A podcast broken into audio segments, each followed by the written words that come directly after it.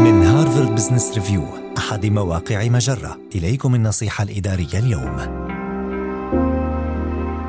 ساعد موظفيك على تحويل مشاعر الإحباط إلى حافز. من المؤكد أن أي موظف ضمن فريقك يخسر عميلاً مهماً أو تضيع عليه فرصة الترقية سيصاب بالإحباط أو الغضب. ومن الطبيعي بصفتك قائداً أن ترغب في مساعدة موظفيك لإيجاد حلول تفيد في عودة الأمور إلى نصابها بسرعة. لكن يمكنك أيضاً مساعدتهم في تحويل تلك المشاعر السلبية إلى حافز. أولاً ابدأ بوضع توصيف لتلك المشاعر. يمكنك أن تقول عبارات مثل تبدو محبطا للغاية أو أستشعر بعض الإحباط في صوتك قد تكون ملاحظة ودية مثل هذه مفيدة في بدء الحوار وحث الموظف على إبداء موافقته أو إنكاره.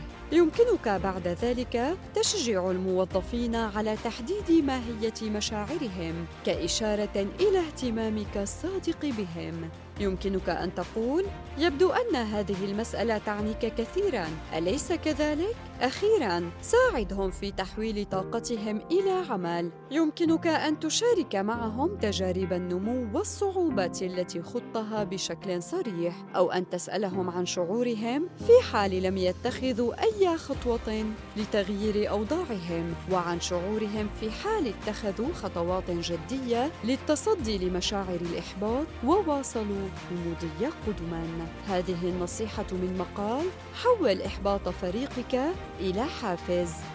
النصيحة الإدارية تأتيكم من هارفارد بزنس ريفيو أحد مواقع مجرة مصدرك الأول لأفضل محتوى عربي على الإنترنت.